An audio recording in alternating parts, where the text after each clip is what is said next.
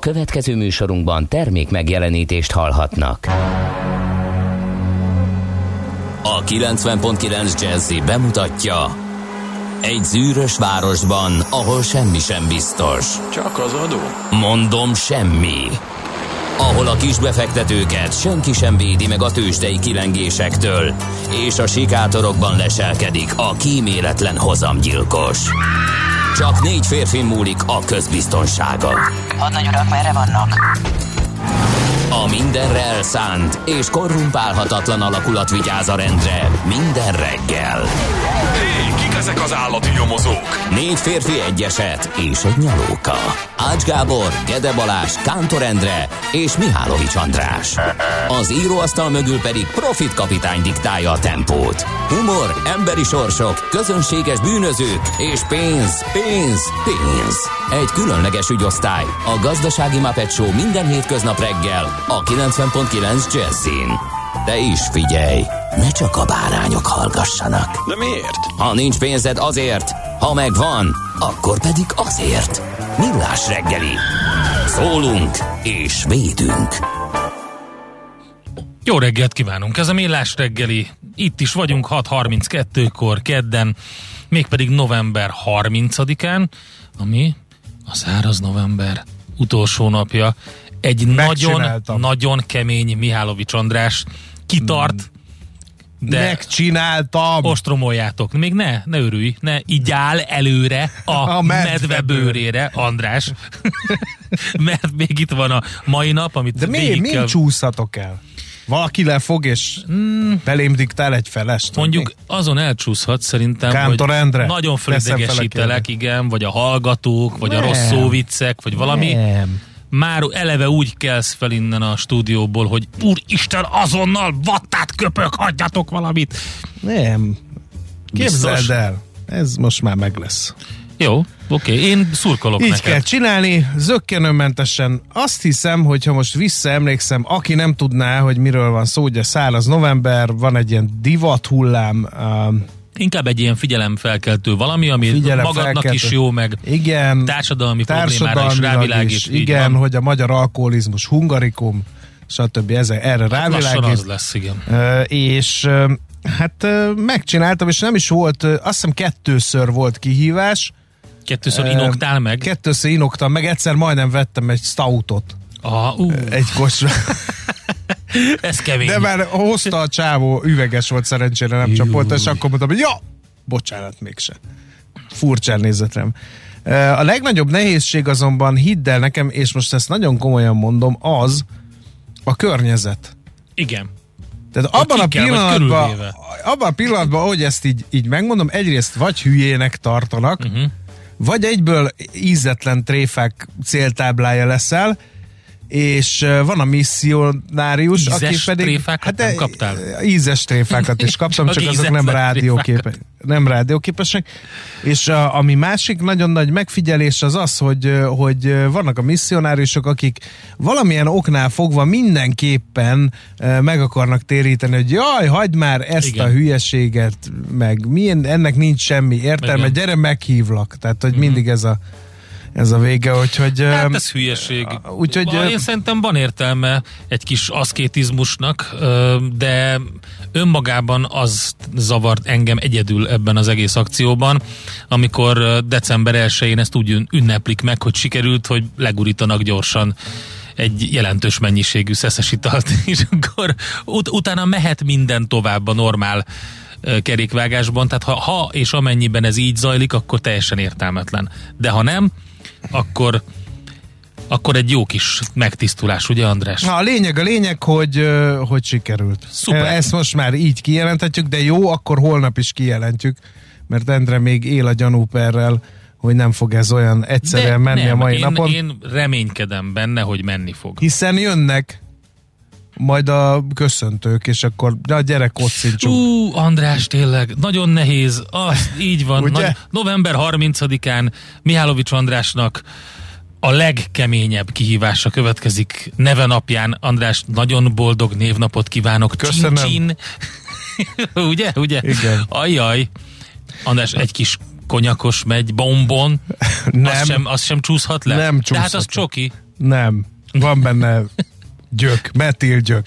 Ajj, Azt szeretném ajj, ajj. egyébként mondani, hogy a legdurvább ilyen lelki presszionálás, amiben részem volt a száraz november alkalmával, ez a ez a, mondtam, hogy nem, de az ember kikérte, már nyilván nem volt szomjas akkor is, és akkor mondtam neki, hogy én mondtam, hogy én nem, mert hogy száraz november tartok. Erre azt mondta, jó, öntsd a pofámba. Ha nem iszod meg, na ez milyen? Jó. Na ez milyen? Hát Nem, nem öntöttem. Nem, nem tudok erre mit mondani. Nem öntöttem, hanem mondtam, hogy akkor sem. Nem, tehát nem, ez, szerintem nem olyan egyszerű ez a szituáció, hogy csak ez a választás van, Nehéz. hogy vagy megiszom, vagy leöntelek Nehéz. vele, úgyhogy ott hagytam. Nehéz. De nagyon kemény, igen. Na, hát menjünk akkor az Andrásokkal ö, tovább. Szeretném, hogyha etimológiailag értelmeznéd. A, A férfi? A, Igen, a, a, ezt a férfi, a harcos? igen. A görög Andreas névből származó férfi név jelentése férfi, férfi Köszönöm. Az András egyébként bibliai név, András apostol Jézus első tanítványa. Na. Szent Péter testvére. Női párja Andrea. Hm? Az elsőnek mindig nehéz lenni. Ugye? Jézusnál is szerintem. André. André. Igen. Szólítottak már Andrénak? Igen, Na. egyszer És majdnem el- Bandónak? Bandónak szerencsére nem, és ez maradjon is így. Mert a, November azzal nem tudok 30-a mit kezdeni. Szent András emléknapja. Az advent kezdetére esik, és ekkora már véget értek a mulatságok, látod? Te vagy a vége, te vagy a, neki. te vagy a János áldás. Szegeden a, és vagy környékén úgy mondták, András zárja a hegedűt. Úgyhogy ez lesz a Ez műs- gyakorta műsor vége. előfordul, igen. És egyébként pedig november végén kezdődnek a disznótorok, ezért, a disznótorok, ezért tréfásan disznóölő Szent Andrásnak is hívják, úgyhogy Igen. disznóölő Vajon Szent miért? András. Tehát miért pont az én névnapom a disznóölő Szent András? Ez tetszik nekem. Egyébként az a kedvenc népszokásom Csángóéknál, ezen a hideg éjszakán, Andrá, figyelj, András elmondja az összesereglő farkasoknak, hogy hol találnak egy-egy birkát, tehenet, malacot. Ha a gazda azt akarja, hogy a farkas elkerülje a házat, akkor András nap éjszakáján össze kell kötnie az ollót, mert így összeköti a farkas száját is. Na, látod? Disznóölőt. Elmondja, én majd elmondom a farkasoknak, hogy hol lehet. Na jól van akkor, hát akkor A palóc lányok almát dugtak az eresz alá, ne kérdezd, hogy miért. De jó, hogy így folytattad. Na, menjünk tovább egy teljesen másik dologgal. Mi történt ezen a szép napon? 1979-ben Angliában megjelent a Pink Floyd lemeze, Mm. a The Wall. Nem. Rosszat mondasz. Tényleg? Hát a legnagyobb, a legnagyobb Mármint, hogy az események közül? az események közül, hogy megszületett Katona Csaba történész. Ja, majd, tehát az a születések között kell, hogy le, Ja. legyen, az most az eseményeknél Spoilereztem? Igen. Pink Floydnak a főszereplője, a, a, a, a Csaba The, The. Wall című kiváló um, musicalnek, lemeznek, a Pink. Úgyhogy aki ezt nem tudta, az most már tudja. Uh, 1982-ben ezen a napon indult el a magyar televízióban a képújság. A rendszeres kísérleti adással. Hogyha nem tudnátok, akkor egy ilyen 11 perc körüli blokk volt, ahol um, 5 vagy 6, 5 darab zene változott, vagy megy, ment sorba. Először jött az MTV szignál, az, amivel lehetett tudni, hogy elindul a képújság, aztán Tim Renwicktől a Margarita, ugyanőtől a Kuba Libra, majd a White Lady, majd a Country Illusion Szabó Gábortól. Erre szerintem nagyon sokan emlékeznek erre a dalra, de hát ez az öt szám volt, lényegében négy, ami szerepelt folyamatosan, de a teletext az egy BBC kísérleti adásból származik, 1976-ból egy számítógépes magazin újságírója nevezte el az új szolgáltatást, és ők próbálták először 1974-ben ezt az egészet, és mi uh, 82-ben csatlakoztunk. Egyébként képzeld András, hogy a Magyar Egy Teletextnek ma napi 500 ezer az M2-nek 150 ezer nézője van. A legnépszerűbb oldal a 303-as, ami a, az De esti lezártak. TV műsor, és én még annak idején még a B-t is onnan néztem, meg volt, Én is nagyon vicces volt. További kedvence oldalak hírek, időjárás jelentés, tőzsde, programajánló, lottónyerőszámok, hirdetések. Egy olvasó átlagosan 5-7 oldalt tölt le, vagyis 6 oldalt tölt le az elektronikus labból, és még működik. és van. Működik még Igen, a csak ne, képújság? ugye, ugye ez a teletext szolgáltatás, amit, amit, a- a- amit te tudsz elindítani, de ugye annak idején Volt a műsorzáráskor képújság, volt a képújság, ami lényegében válogatott olyan készülékek számára, ami nem volt elérhető egyébként a hírekből, úgyhogy óriási volt, és elindult szépen ez a és utána pedig szépen mentek sorba ezek a számok, amiket mondtam. Na, aztán mi van még ma?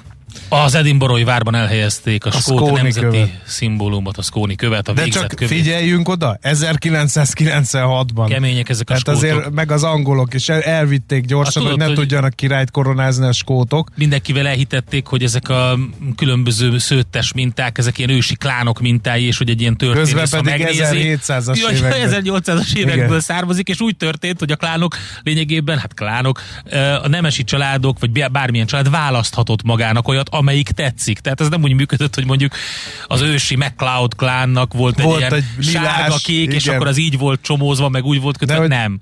Nem. De ez nagyon jó ezek a népszokások. Az megvan a Skóni kővel kapcsolatban, hogy figyeljünk oda. Első Edvárd angol király 1296-ban hadizsákmányként elvitte, és a Westminster apátságba eh, helyezte el. Itt a koronázási tron vagy Szent Edvárd széke néven ismert öreg faszék ülőrésze alá illesztették vaspántokkal. Ma már másodszor mondtál, nagyon durván, Igen, de nem tudom. baj, névnapod van. Igen.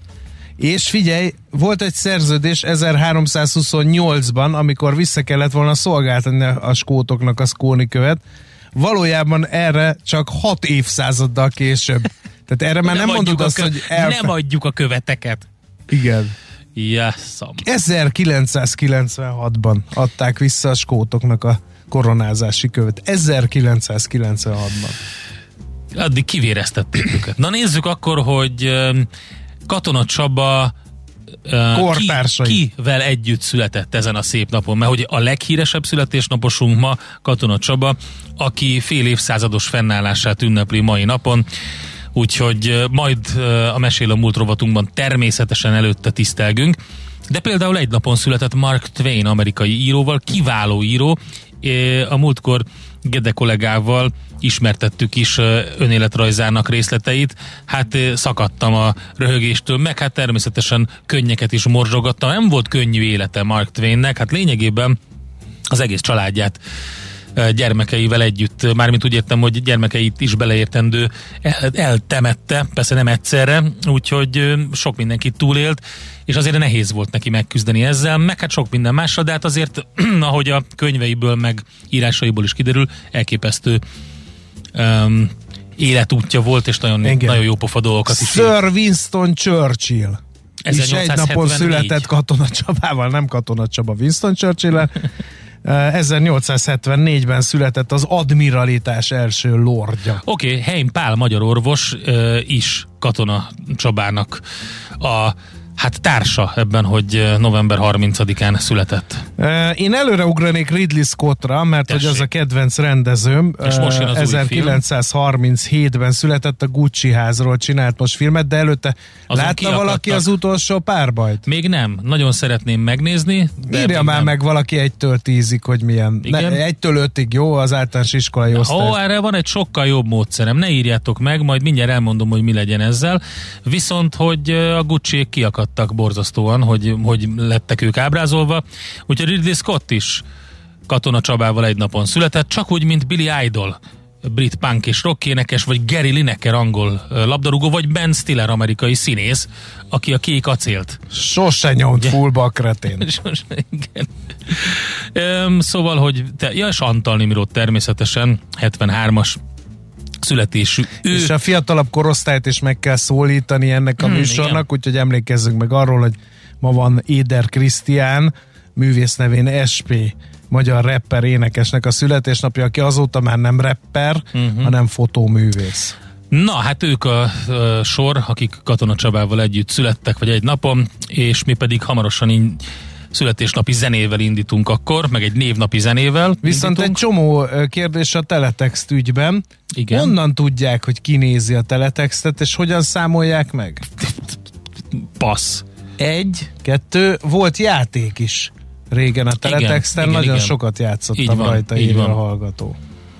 Szóval, hogy a következő dolog történt, kedves hallgatók, aki még nem vette volna észre, de azért mondjuk el, mert nagyon közel áll a szívünkhöz ez a dolog. Van nekünk egy Viber közösségünk, Millás reggeli néven rá lehet keresni.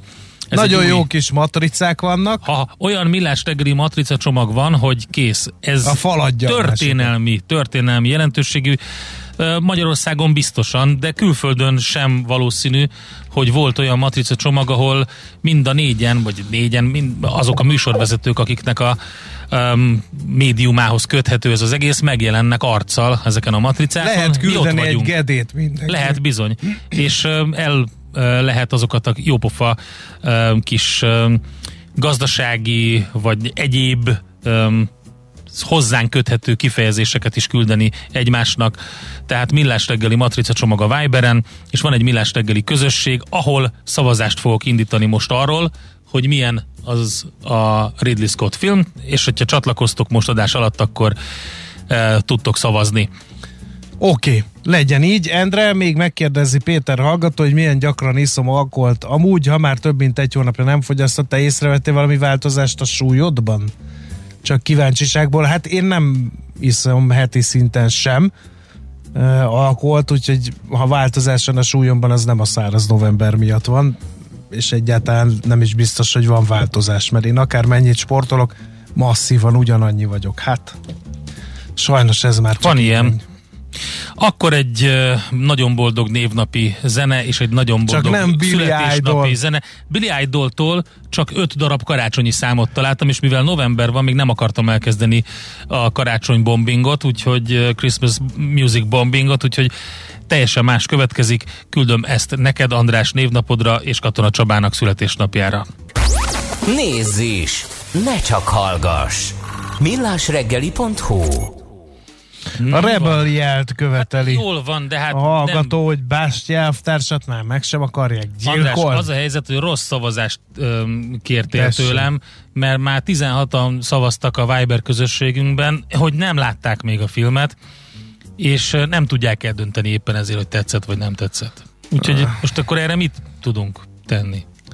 Semmit. Semmit. Itt állunk ölbetett kézzel, és elmondjuk, hogy a világgazdaság szerint évtizedek óta nem dolgoztak ennyien Magyarországon. Hm.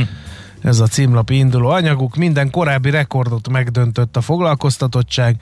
A KSH adatai szerint október és augusztus között, vagyis hát augusztus és október között 4,5 millió, millióan dolgoztak a hazai elsődleges munkaerőpiacon, ezzel történelmi csúcsra emelkedett a munkavállalók száma.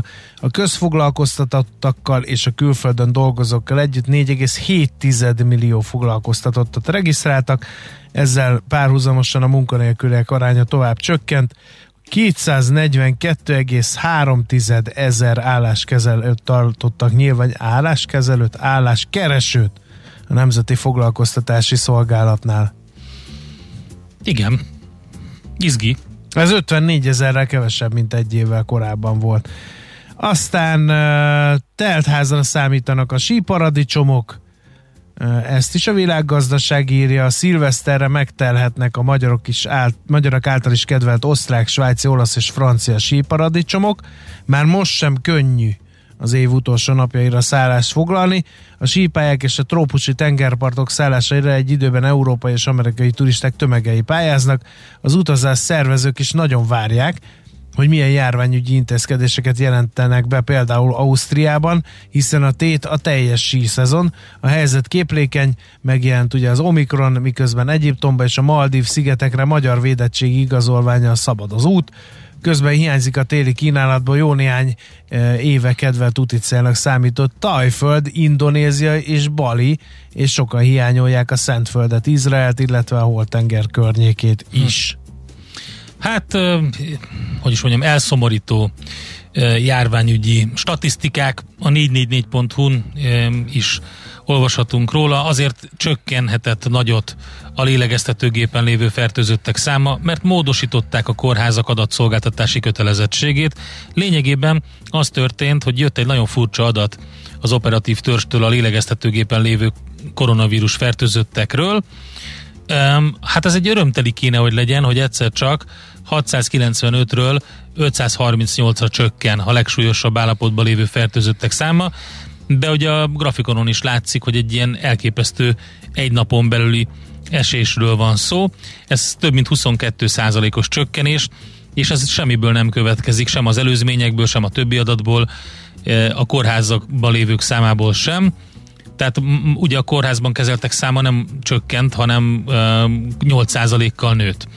Tehát történt az, hogy egy egy választ kapott a, a lap arra, hogy megváltoztatták a módszertant arra vonatkozóan, hogy kit kell odasorolni ebbe a, ebbe a sorba. Tehát uh, invazív lélegeztetéssel ki az, aki el van látva, és így kiestek egy jó páran ebből a grafikonból, ebből az adatból. Na jó, megyünk tovább valami mással. András, a napi.hu legfrissebb anyaga, hát ami nem én most a népszavát élesedik. nézem, egyrészt ugye ott is erről a maszkirovkáról beszélnek a járvány számok ügyére, de én akkor gyorsan kettő sportírt azért megosztanék. Egyrészt ugye Dárdai Pált menesztették a Herta vezetőedzői posztjáról, másrészt Hi- hi- azonnali hatállyal hirtelen. igen, másrészt a Lionel Messi lett, vagy Lionel, Lionel Messi Lionel. lett a aranylabda büszke tulajdonosa uh, hetedszer immáron.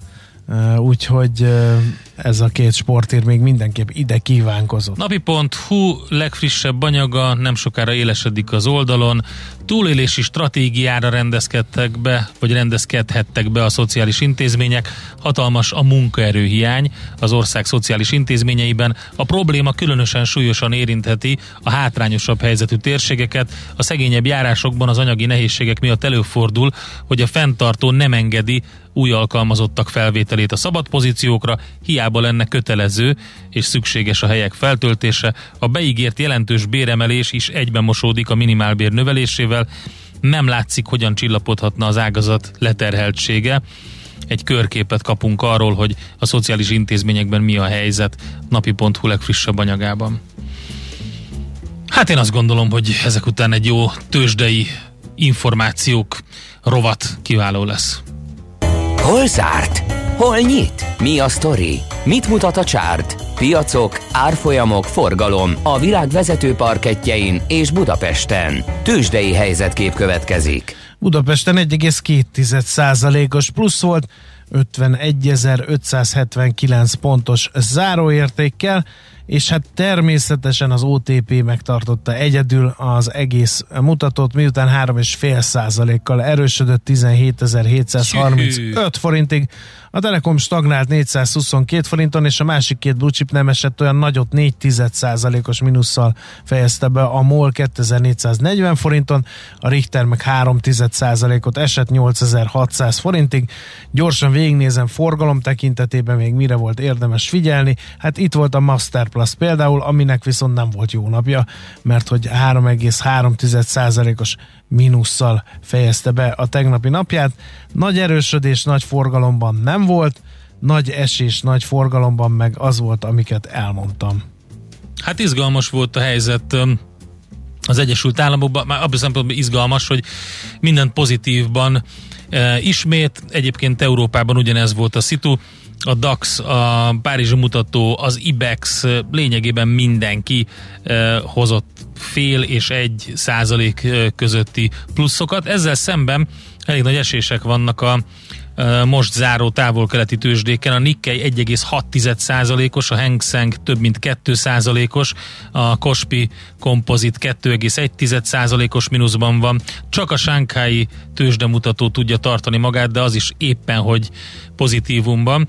A, a többiek az elég komoly mínuszokat hoztak össze. És hogy mi volt a legérdekesebb papírok, mik voltak az Egyesült Államokban. A Pfizer például majdnem 3%-ot esett, a Twitter 2,7%-os mínusszal zárt, a Ford is egy fél százalékos mínuszt hozott össze, AT&T 1,4%-os mínusz, úgyhogy kérdezhetnénk, hogy akkor most mit jelent ez, hogy ilyen csúnya S&P 500-as eredményeket is látunk, akkor mi hozta a pluszt? Hát figyelj, mindenféle olyan papír, mint a Hewlett Packard például majdnem 4%-os plusszal, aztán volt a Live Nation 4,2%-os plusszal, úgyhogy voltak azért bőven nyilván pluszosak, így tudott összehozni 0,7%-os pluszt a Dow Jones, majdnem 2%-ot a Nasdaq, és 1,3%-ot az S&P 500-as. És hogyha megnézzük, hogy ez mit jelent az év egészét tekintve, akkor azt látjuk, hogy 15% körüli pluszban van a Dow Jones, 22,5 százalékos pluszban a Nasdaq, és 24 százalékos pluszban az S&P 500-as index. Tőzsdei helyzetkép hangzott el a Millás reggeliben. Közben írnak a kedves hallgatóink válaszokat. Én a gépen próbálom fellelni a csomagunkat, és nem szépen, találom. Egyetlen igen. egy darab tetszett van az utolsó párbaj című filmre, és 47 darab szavazat arra, hogy még nem láttam, úgyhogy nagyon kevesen merik be. Hát ez egy rétegfilm. Én rétegfilm. Igen. igen. Majd indítunk egy másik szavazást. Miről van szó? Arról van szó, hogy van egy jó kis Viber közösségünk, itt lehet minket követni, adás közben egyébként egy csomószor fogunk itt szavaztatni, és Például most is megy ez a szavazás, úgyhogy a Viberen, hogyha ránk kerestek, akkor megtaláljátok a közösséget, csatlakozzatok és kövessétek azt, hogy egyébként mi történik, mi milyen szavazások van. Most például ez a szavazás, hogy a Ridley Scott utolsó párbaj című filmjét hogy tetszett. Um, és hát alapvetően még nem látták. De lehet, hogy azt kellett volna kérdezni Andrásra, amit már biztosan láttak a kedves hallgatók. Mit a csillagok háborúját? Ha tetszett a csillagok háború című film. Ez nagyon rossz kérdés. És akkor mik legyenek a válaszok? Az nem jó. Igen, nem talán. Igen, nem talán, jó. Hát akkor jöjjön Andika a legfrissebb hírekkel, információkkal, aztán jövünk vissza már ketten? Mondják azt, hogy tetszett nekik a film. Csak mondom. Nagyon jól lobbizol. Javul. javul. Úgyhogy tehát jön ki? Czoller Andi? Nem, Nem, a másik. A Schmidt Andi jön a hírekkel, aztán pedig jövünk vissza mi, ahogy megszokhattátok, rengeteg mindennel, budapesti információkkal, meg aztán az Európai Központi Bank monetáris politikájával, úgyhogy sok minden még itt a Millás reggeliben. Műsorunkban termék megjelenítést hallhattak. Nézd a Millás reggeli adásait élőben a millásreggeli.hu oldalon. Millás, Millás reggeli, a vizuális rádió. A reggeli rohanásban könnyű szemtől szembe kerülni egy túl szépnek tűnő ajánlattal. Az eredmény krétával körberajzolt tetemes összeg. A tethelyen a gazdasági helyszínelők, a ravasz, az agy és két füles csésze és fejvállalakzat.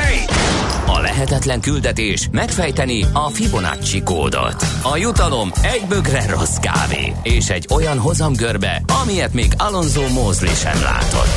Millás reggeli, a 90.9 Jazzy Rádió gazdasági mapetsója. Vigyázat!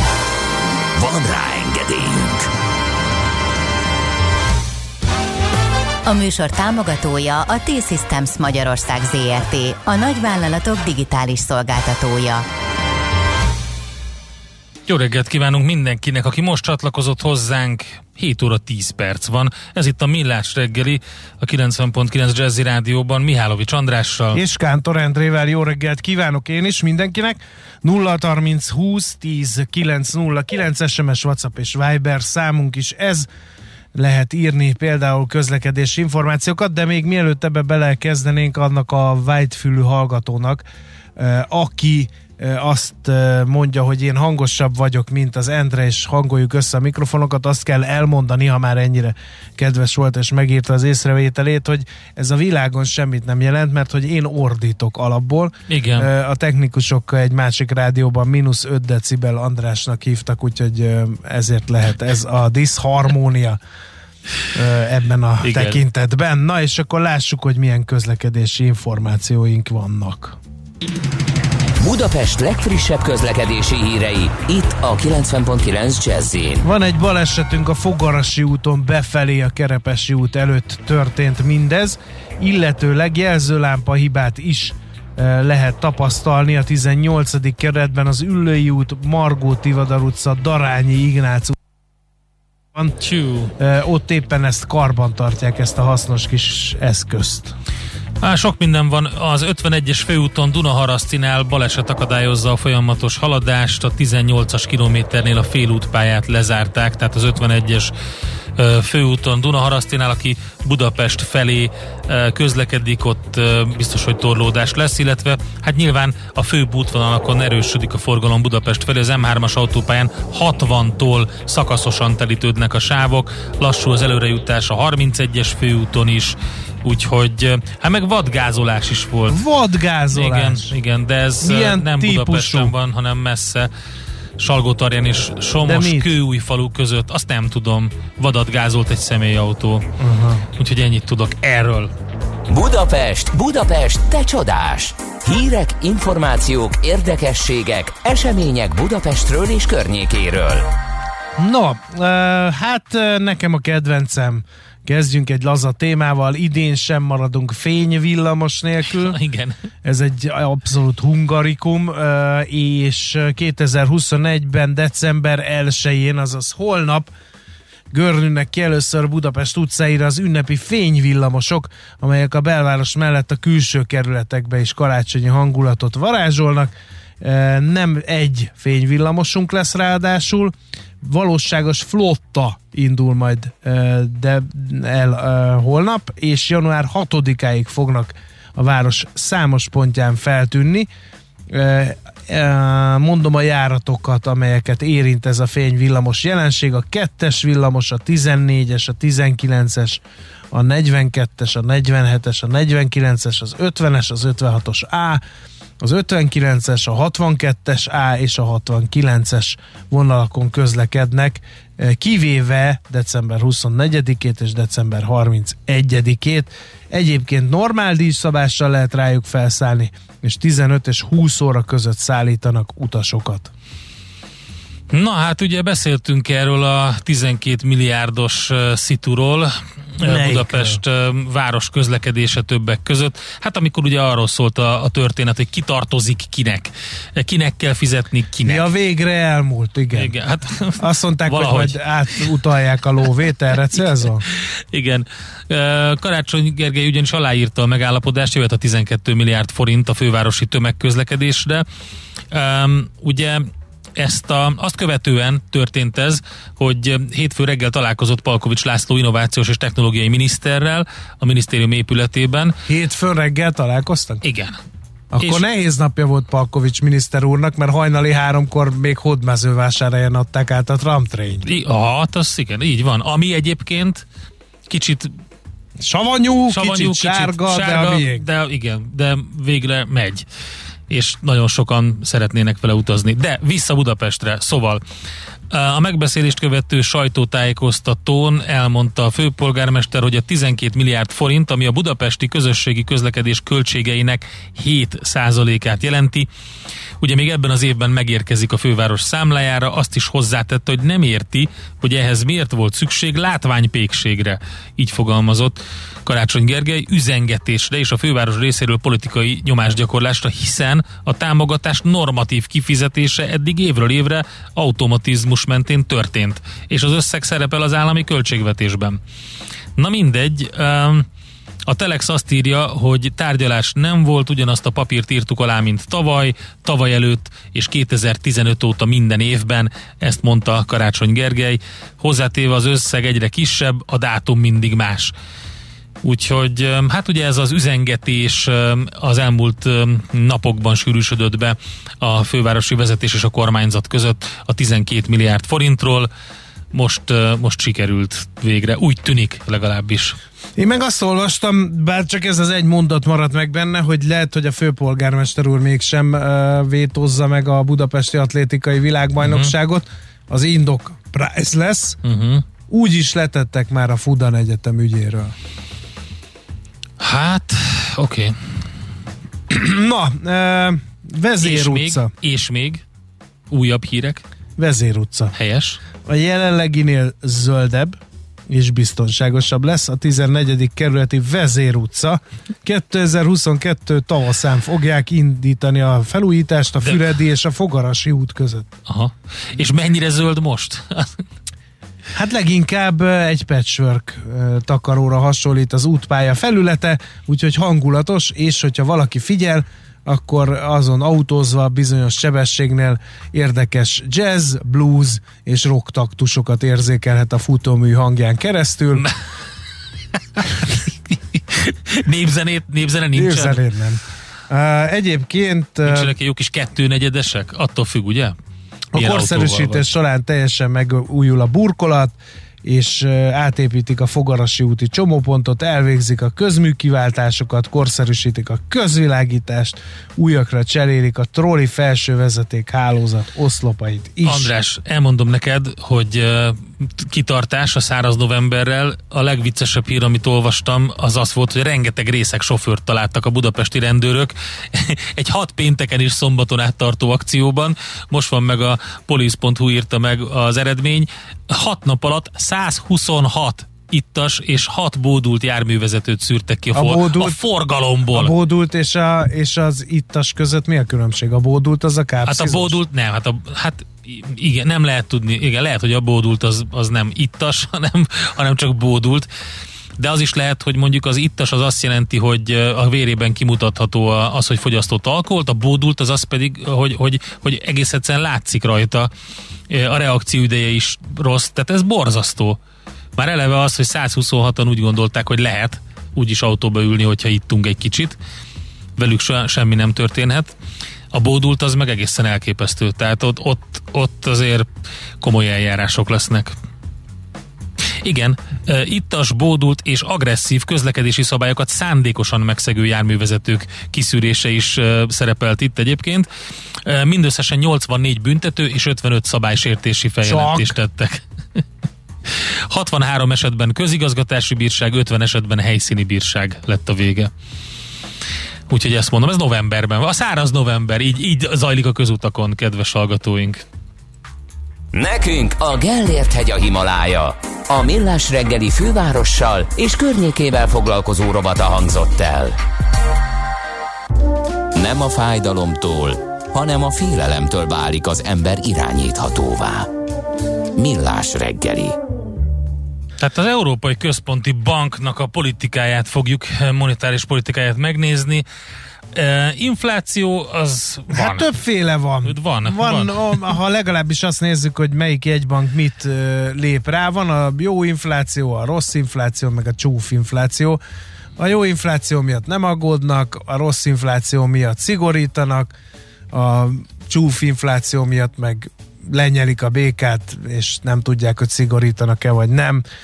Mindenki kamatot emel, az LKB kivár. Agresszívan kivár. Hát igen, vagy lehet, hogy nem tudják, hogy mit csináljanak. Ezt fogjuk megvitatni, hogy miért olyan extrém laza az Európai Központi Bank. Zsoldos Ákos, a Portfolio.hu elemzője van itt velünk. Szervusz, jó reggelt! Jó reggelt, szervusztok! Mi történik az LKB-nál? Miért, miért ennyire lazák? Mindenki más azért rajta tartja a mutatóujját az infláció ütőerén. Igen, hát annyiból azért pontosítani kell, hogy nagy jegybankok közül, tehát vannak azért kisebb uh-huh. jegybankok, még Európában is, akik szintén lazák, például a svéd és a dánok, azok ugyanolyan, ugyanolyan lazák nagyjából most még, mint az LKB, illetve hát a japán jegybank, de hát a japán ez egy egészen más, más helyzetben van.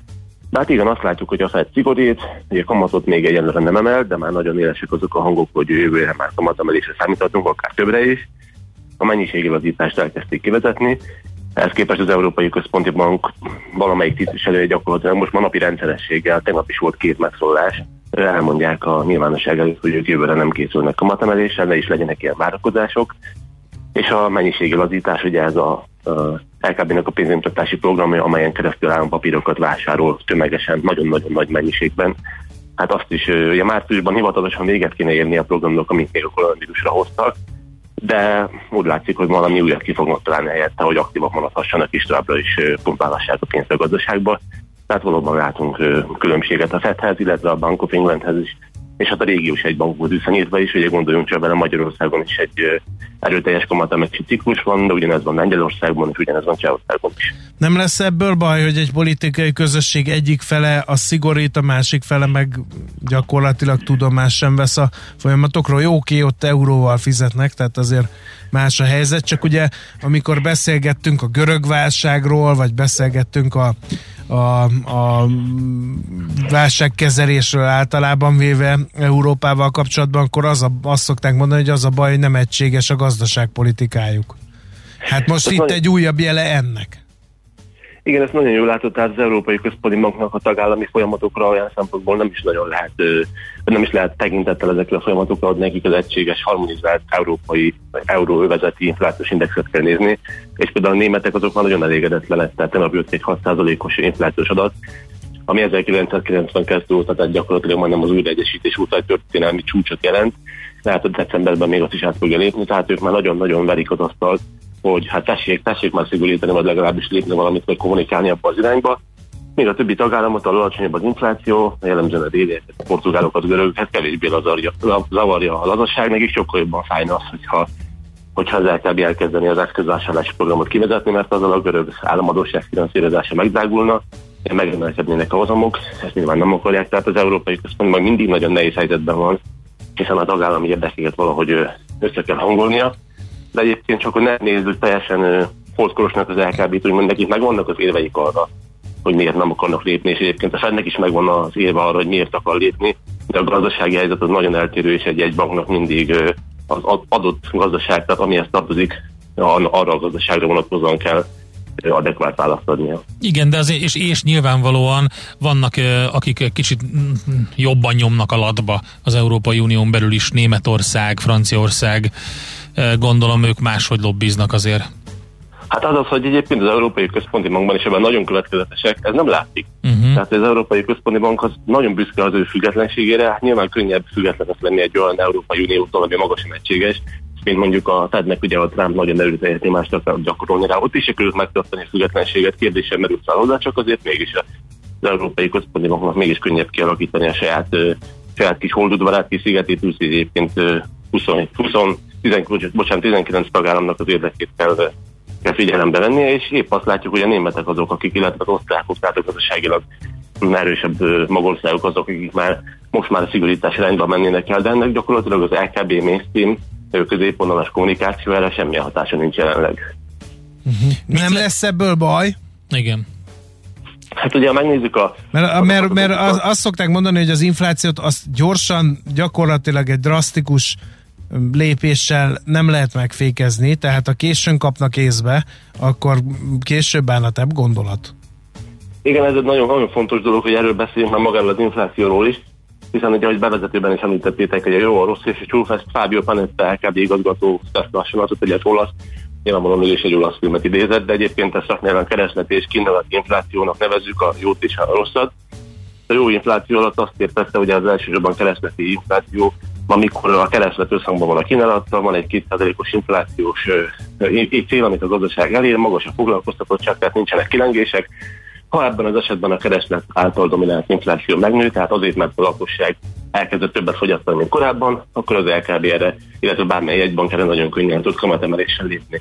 De úgy él vele az LKB, hogy itt most kínálati infláció van Európában, és ugye megnézzük szétbontva, 4% volt az infláció októberben, ma fog jönni egyébként a novemberi adat, 4,5% minimum lesz, de lehet, hogy akár 5% is.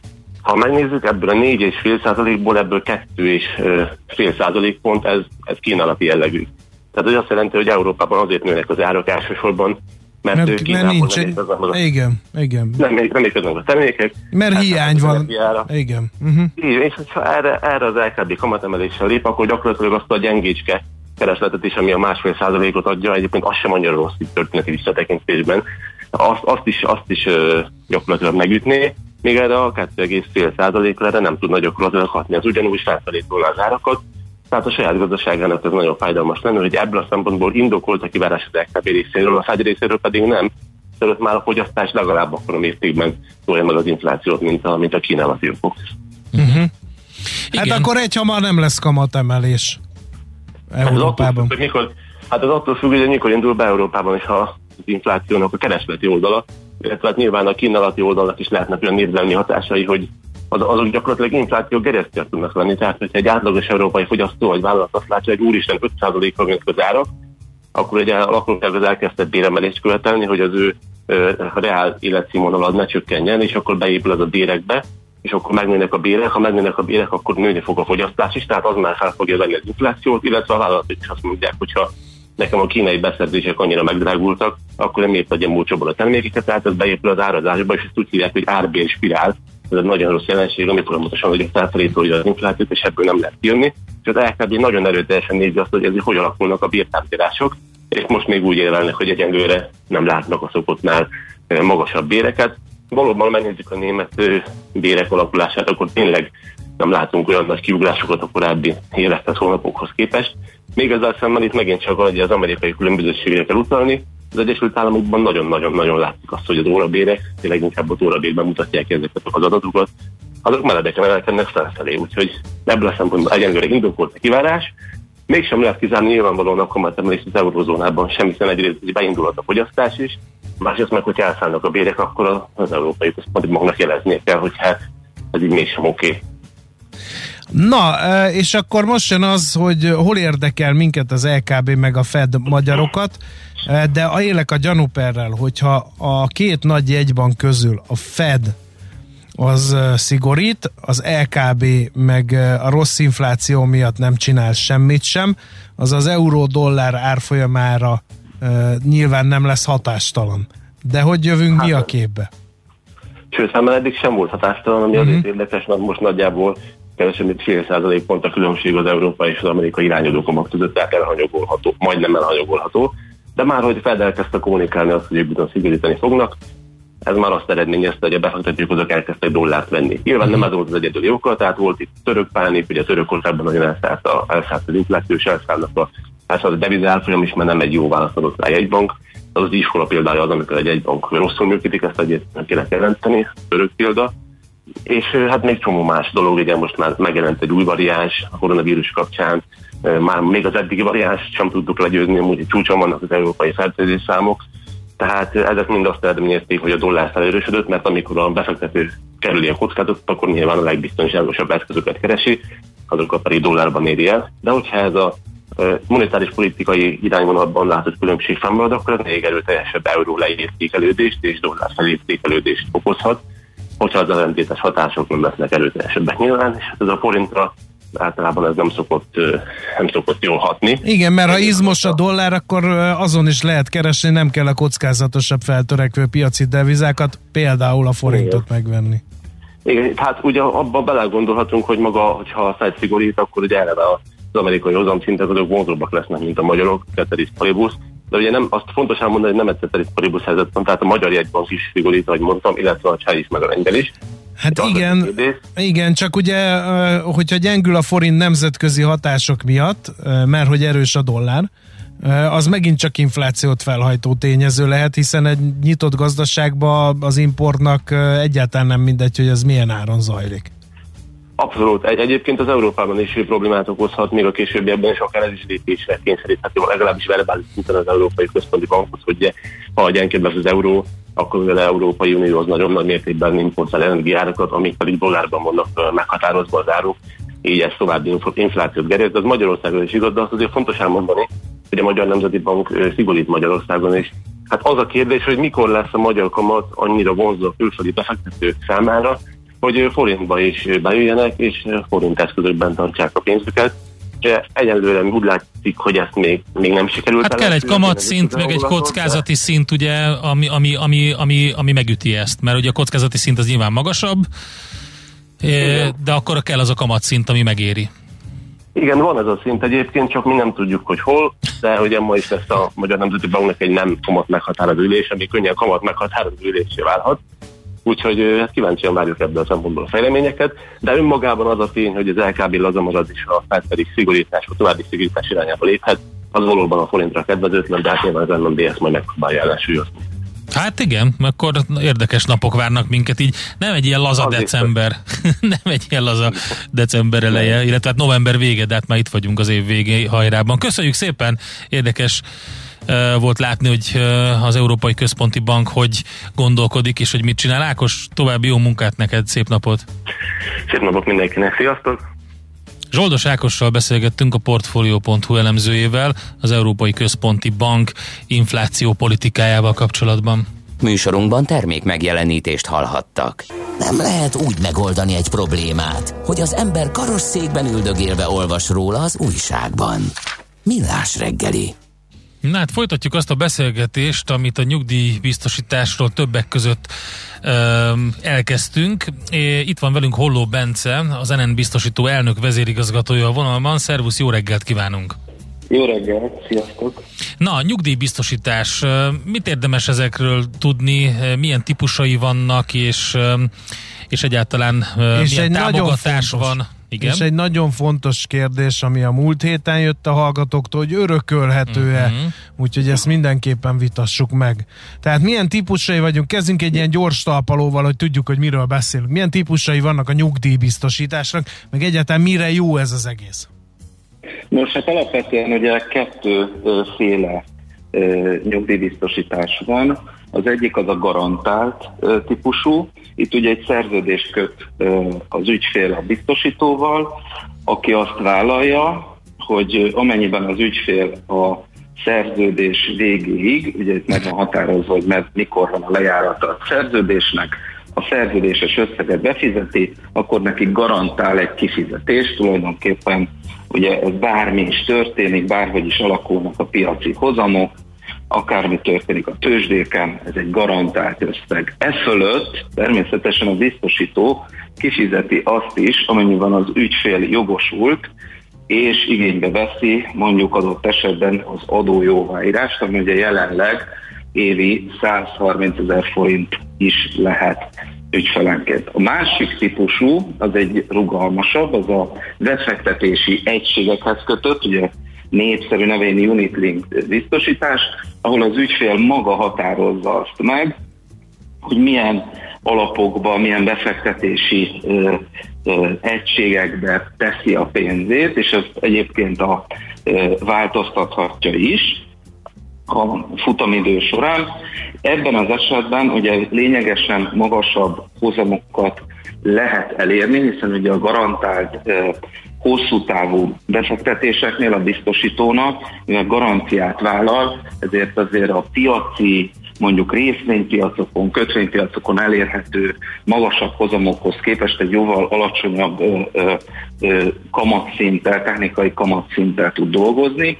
A Unitlink esetében Viszont ugye érvényesülhetnek azok, amit ugye szoktak mondani a tőzsdei befektetések, hogy hosszú távra kell tervezni, hiszen hosszú távon, évtizedés távlatokban a, de a tőzsdei hozamok azok általában azért megverik a kockázatmentes hozamokat, állampapír hozamokat, egyebeket. És ebben az esetben is ugye jár a 130 ezer forintos adójóváírás, amennyiben ezt valaki igénybe veszi. Uh-huh. Um, örökölhetőség kérdés. Igen, igen, ez felmerült, és egy, egy fontos dologról van szó. Igen. Igen, ez azért lehet egy picit ö, ö, kérdés, vagy, vagy okozhat zavart a vagyokban, ugyanis a, ugye a magyar állami nyugdíjrendszer az egy felosztó kirovó rendszer, ott nincsenek ugye egyéni megtakarítások, amit én egyénileg befizetek, az bemegy egy közös kalapba, és azt ugye a jelenlegi e, nyugdíjas társadalom részére e, kerül kifizetésre a költségvetésből. Ez, amiről beszélünk, a magánnyugdíj, az egy megtakarítási forma, az egy magántulajdon marad minden esetben, és ehhez ezt a megtakarítást az, az állam adójóváírással ösztönzi, de természetesen ez örökölhető, hiszen ez ugyanolyan, mint hogyha egy befektetésem mert örökölni az örökösöm, annyival kiegészítve, hogy sok esetben ugye a biztosításoknak adó és örökösödési illetékmentessége is van. Tehát pont örökölhető, és még kedvezőben adózik sok esetben biztosítás, uh-huh. mint, mint, mint egyéb vagyontárgyak. Mi történik akkor, ha én vadul spórolok nyugdíjas éveimre, de időnek előtte egészségügyi problémáim támadnak, akkor is ki kell várni a nyugdíjkorhatárt? Ha valaki mondjuk Ugye, egészségkárosodás szenved? Vagy balesetet, ne Isten? Erről beszéltünk a, a múltkor, hogy mindenki azt keresi ezekben a nyugdíjakban, hogy ez egy megtakarítási forma, és valóban nagy, nagy részében ez egy megtakarítás de lehet hozzá kiegészítő biztosításokat kötni. Minden biztosítás rendelkezik valami az alapbiztosítási fedezettel, de például nálunk is lehet különböző módozatokat kötni, mert például tartós munkaképtelenség, rokkantság esetén van olyan biztosítás, sí módozat, amit hozzá lehet kötni ezzel a biztosításhoz, hogyha az ügyfél tart, mondjuk lerokkan, akkor a szerződés végéig a biztosító fizeti be helyette a díjakat, és a lejáratkor tulajdonképpen kapja meg lejárati uh-huh. összeget nyugdíjként. Na, a, akkor még egy nagyon fontos, és ez az ösztönző része, ugye ez a bizonyos SZIA visszatérítés, eh, hogy ugye 130 ezer forint lehet a plafon, ami adójóváírást eh, vissza lehet igényelni nyugdíjbiztosítás után. Eh, és hát ugye ilyenkor szokott jönni a legtöbb befizetés, ugye erre a biztosítók küldenek is levelet, hogy ahhoz, hogy kihasználd, ennyit még be kellene tolni nyugdíjbiztosításra. Ez egy fontos motiváció e egyáltalán? Hát persze, hogy fontos motiváció, bár ugye mostanában a kamatok újra emelkedni kezdtek, de mondjuk egy alacsony uh, hozamkörnyezetben, és azért még most sincs olyan óriási hozamkörnyezet, vagy nagyon kecsegtető hozamkörnyezet, ugye egy 20%-os adójóváírás az, az, az a normálisan elérhető hozamok fölött azért az igencsak jelentős. Mindig azt szoktam mondani az ismeretségi körömben, hogy mindenki használja ki azokat, ezeket a lehetőségeket először, és csak utána menjen olyan megtakarítási formákban, amelyeket nem ösztönöz az állam, egyébként adójóváírással, azért gondoljunk bele, hogy itt van egy 20% garantált hozama az embernek év, éves szinten, azért az nem rossz szerintem, még akár egy tőzsdei alapokat nézve sem. No de van-e, és akkor itt ütközünk bele, olvassuk a biztosító levelét, hogy még ennyit meg annyit bele kéne tolni, és ez nagy összeg, akkor az azt jelenti, hogy hát sajnos vagy én nem teszek eleget mennyiségű pénzt félre nyugdíjas éveimre, vagy nincs akkor a jövedelmem, ami alapján ki lehetne használni ezt az SZIA kedvezményt. Hát ugye itt az a, az, az a nagyon fontos dolog, és ez, ez, ez az, amiben nekünk biztosítóknak még van dolgunk, hogy Magyarországon sok ok miatt egyébként későn kezdenek el az emberek megtakarítani, nyugdíj megtakarítási célra félretenni. Ez jellemzően inkább a 40-es, 50-es éveiben járókat érinti. Most ami, minél fiatalabban kezdem ezt csinálni, annál kevesebbet kell félre raknom, hiszen ugye a megtakarítási idő az ugye nő, illetve hát ugye tudjátok nagyon jól, hogy ugye a a kamatos kamat, illetve ugye az egymásra rakódó hozamok miatt, hogyha mondjuk én a, a 20-as, 30-as éveimben kezdem ezt el, akár kis összeggel, az évtizedekkel később óriási méretűre tud duzzadni. Igen, igen, az nagyon jó lenne, hogyha, hogyha sokkal tudatosabbak lennének az emberek, de ahogy említetted, itt azért sok oka van ennek a dolognak. Ettől függetlenül egy ilyen automatizmust el lehet indítani, és akkor nem is kell vele foglalkozni. Így van, így van, és hogyha nem is tudja valaki kihasználni, mert ugye az a 130 ezer forint, uh-huh. ami a, a maximum, az ugye egy éves ö, ö, ö, 650 ezer forintot jelent, tehát havi szinten 50 54 ezer. Ha valaki nem tud ennyit félretenni, csak ennek a töredékét, abba is bele kell gondolni, hogy arra is jár a 20% Az igaz ugyan, hogy nominálisan nem ö, maxolja ki az ember az adó visszatérítési mértékét, de mégis van egy befektetése, amelyiknek ö, minden hozamot lesz, van egy 20%-os alapadó jóváírási tartalma, e, e fölött pedig ugye nyilvánvalóan lehet kalkulálni a hozamokkal.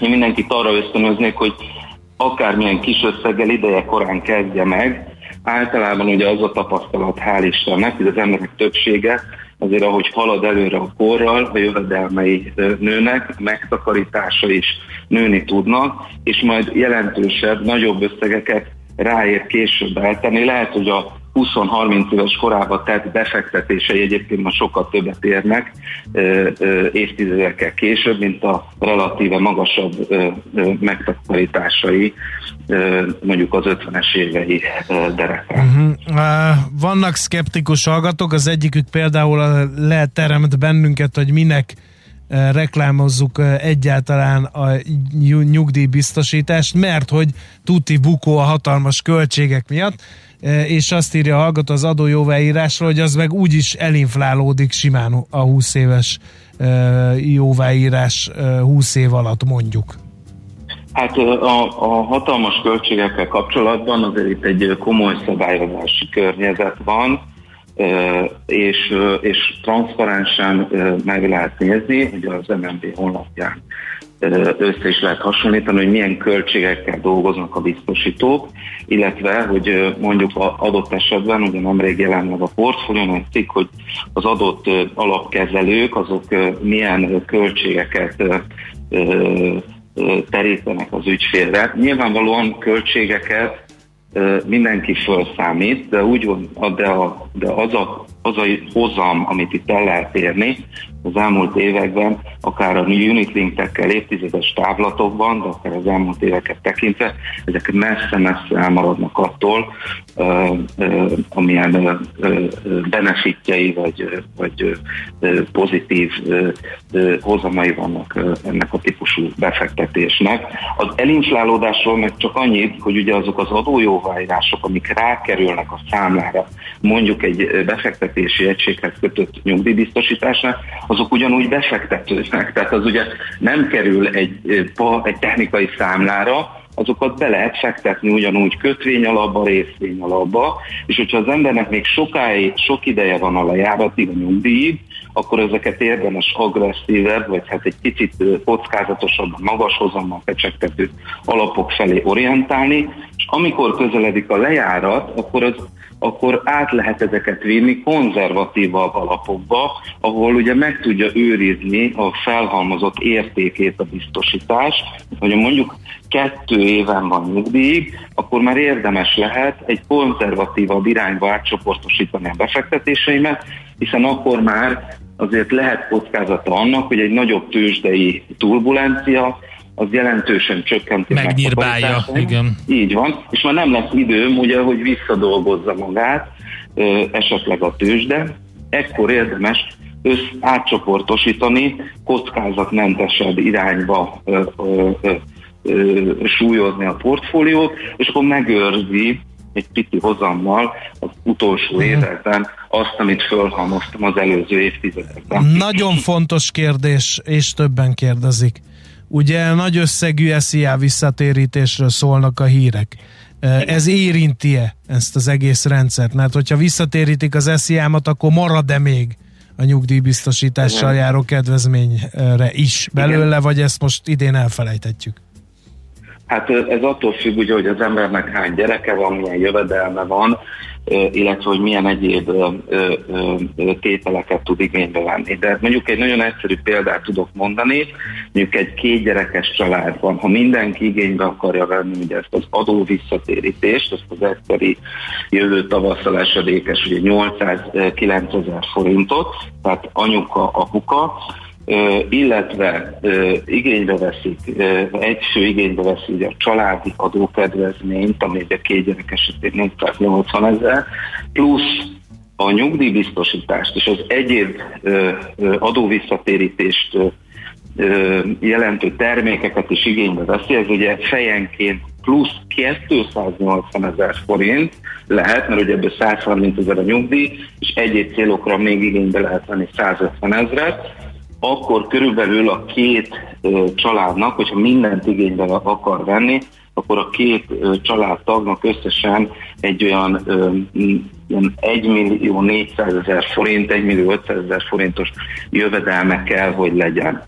Most ebből kell visszafelé számolni, ugye minden kombinációt itt az adás miatt nem tudunk átgond vagy összerakni, de nyilvánvalóan, hogy ennél jóval kevesebb kell, ha csak a nyugdíjbiztosításra akarunk adóvisszatérítést, illetve akkor, ha mondjuk az egyik családtag még nem dolgozik, otthon van, akkor is egy picit más a, a téma, de nyilvánvaló az adó visszatérítés, az kezelhető úgy is, mint egy lehetőség, hogy beszálljunk nyugdíjbiztosítással. Mert hogyha ez az adó visszatérítés, ami jövőre jön, mikor ezt valaki beteszi, ennek egy részét, akkor azon megint tud majd a következő évben ugye adóvisszatérítés igényes, így már ez a 809 ezer forintot még 130 ezer forinttal meg lehet fejelni majd, hát ha és amennyiben ugye a jövő évi adó e, törvények változatlanul maradnak. Uh-huh. Oké, okay, köszönjük szépen. Még egy uh, fontos, nem fél bele? Akkor egy rövid választ kérünk a nagyon sok uh, vállalkozó országában. Ha valaki kénytelen kelletleg katás, vagy echós, vagy valami, az, az mit kezdhet nyugdíjbiztosítás ügyben? Én, én mindenkit arra, függetlenül attól rövid a válasz, én mindenkinek azt mondom, hogy adó ö, ö, jóváírás nélkül is érdemes elgondolkodni nyugdíj megtakarításba, pontosan azért, mert az ilyen különböző ad, adózási formákban nem biztos, hogy az állami nyugdíjunk ö, olyan magas lesz, és ezért érdemes lehet elgondolkodni azon, hogy a megtakarításaink egy részét arra fordítsuk, hogy a leendő állami nyugdíjunkat ki tudjuk egészíteni valamilyen másik forrással.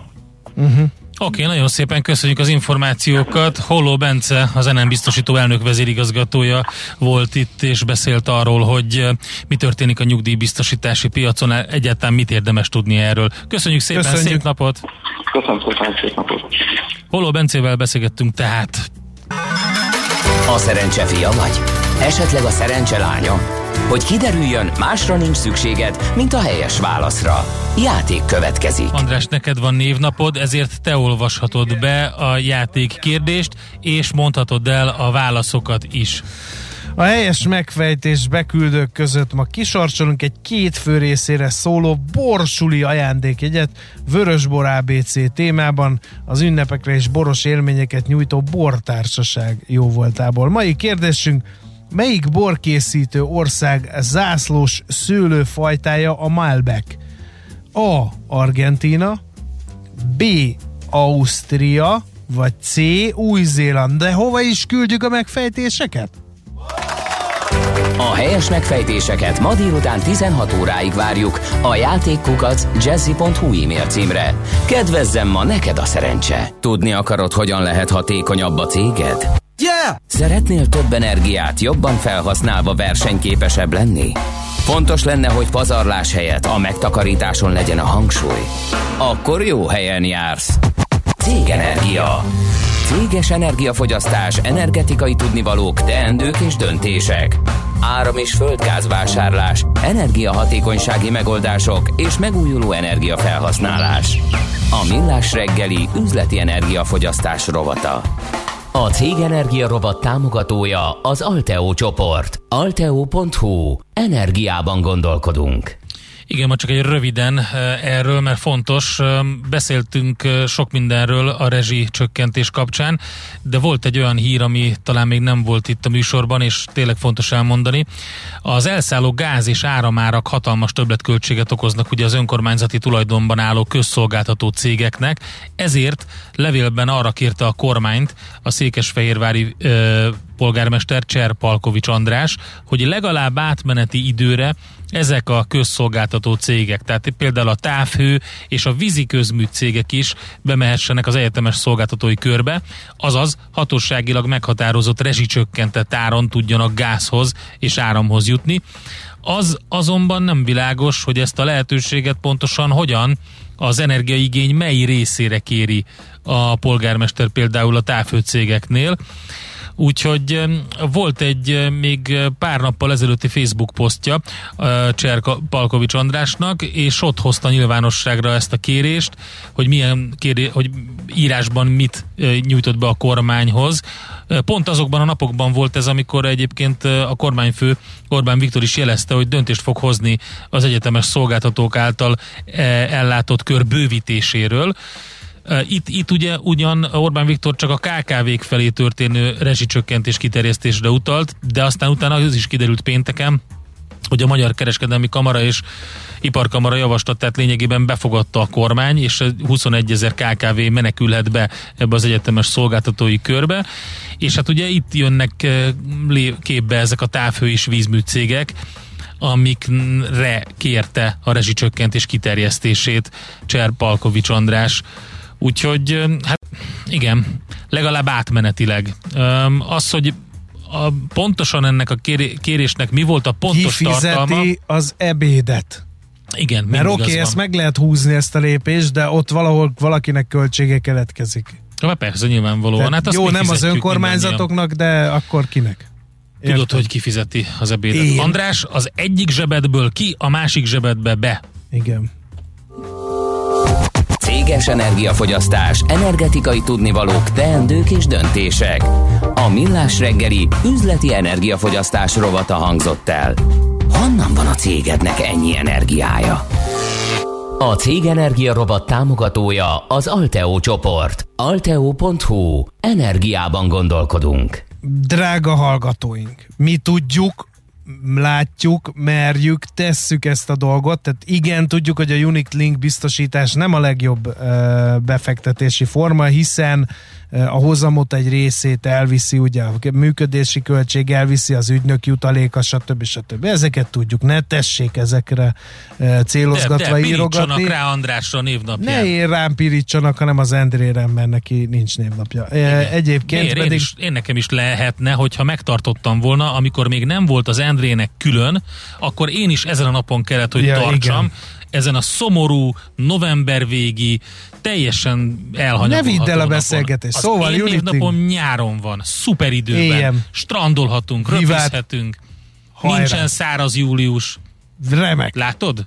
Na, szóval visszatérve a Unit Linkre, mert nem sok időnk van, mert rég híreket kellene mondani. Ez miattad van, mert össze-vissza Tudjuk, hogy mi a Unit Link biztosításoknak a hátulütője, de szeretnénk ezt a témát Úgy egy kicsit körbejárni, azok kedvéért, akik csak annyit hallottak a témából, hogy nyugdíjbiztosítás eszemben sincs kimagyarázni, és ezért kérdeztük meg az előbb Holló Bencétől, hogy ez nem túl drága befektetési forma Igen, Uh, úgyhogy uh, nehéz itt Én csak most azt mondom, hogy Romanes tenni. eunt domus, András. Illetve, Romanes eunt hát domus. többen kérik, hogy a szervára térjek vissza, Már uh, mert én vettem, én vettem de nem is adogat. Hogy mikor lesz már Covid-oltás szerváloknak például. Én Tessék, most megnyomom a gombot, és megyünk állat, tovább. Jöjjenek Schmidt-Andi hírei, mert drog, dolgunk van, dolgunk van. Na. Műsorunkban termék megjelenítést hallhattak. Ezt tudtad? A Millás reggelit nem csak hallgatni, nézni is lehet. Millásreggeli.hu Benne vagyunk a tévében.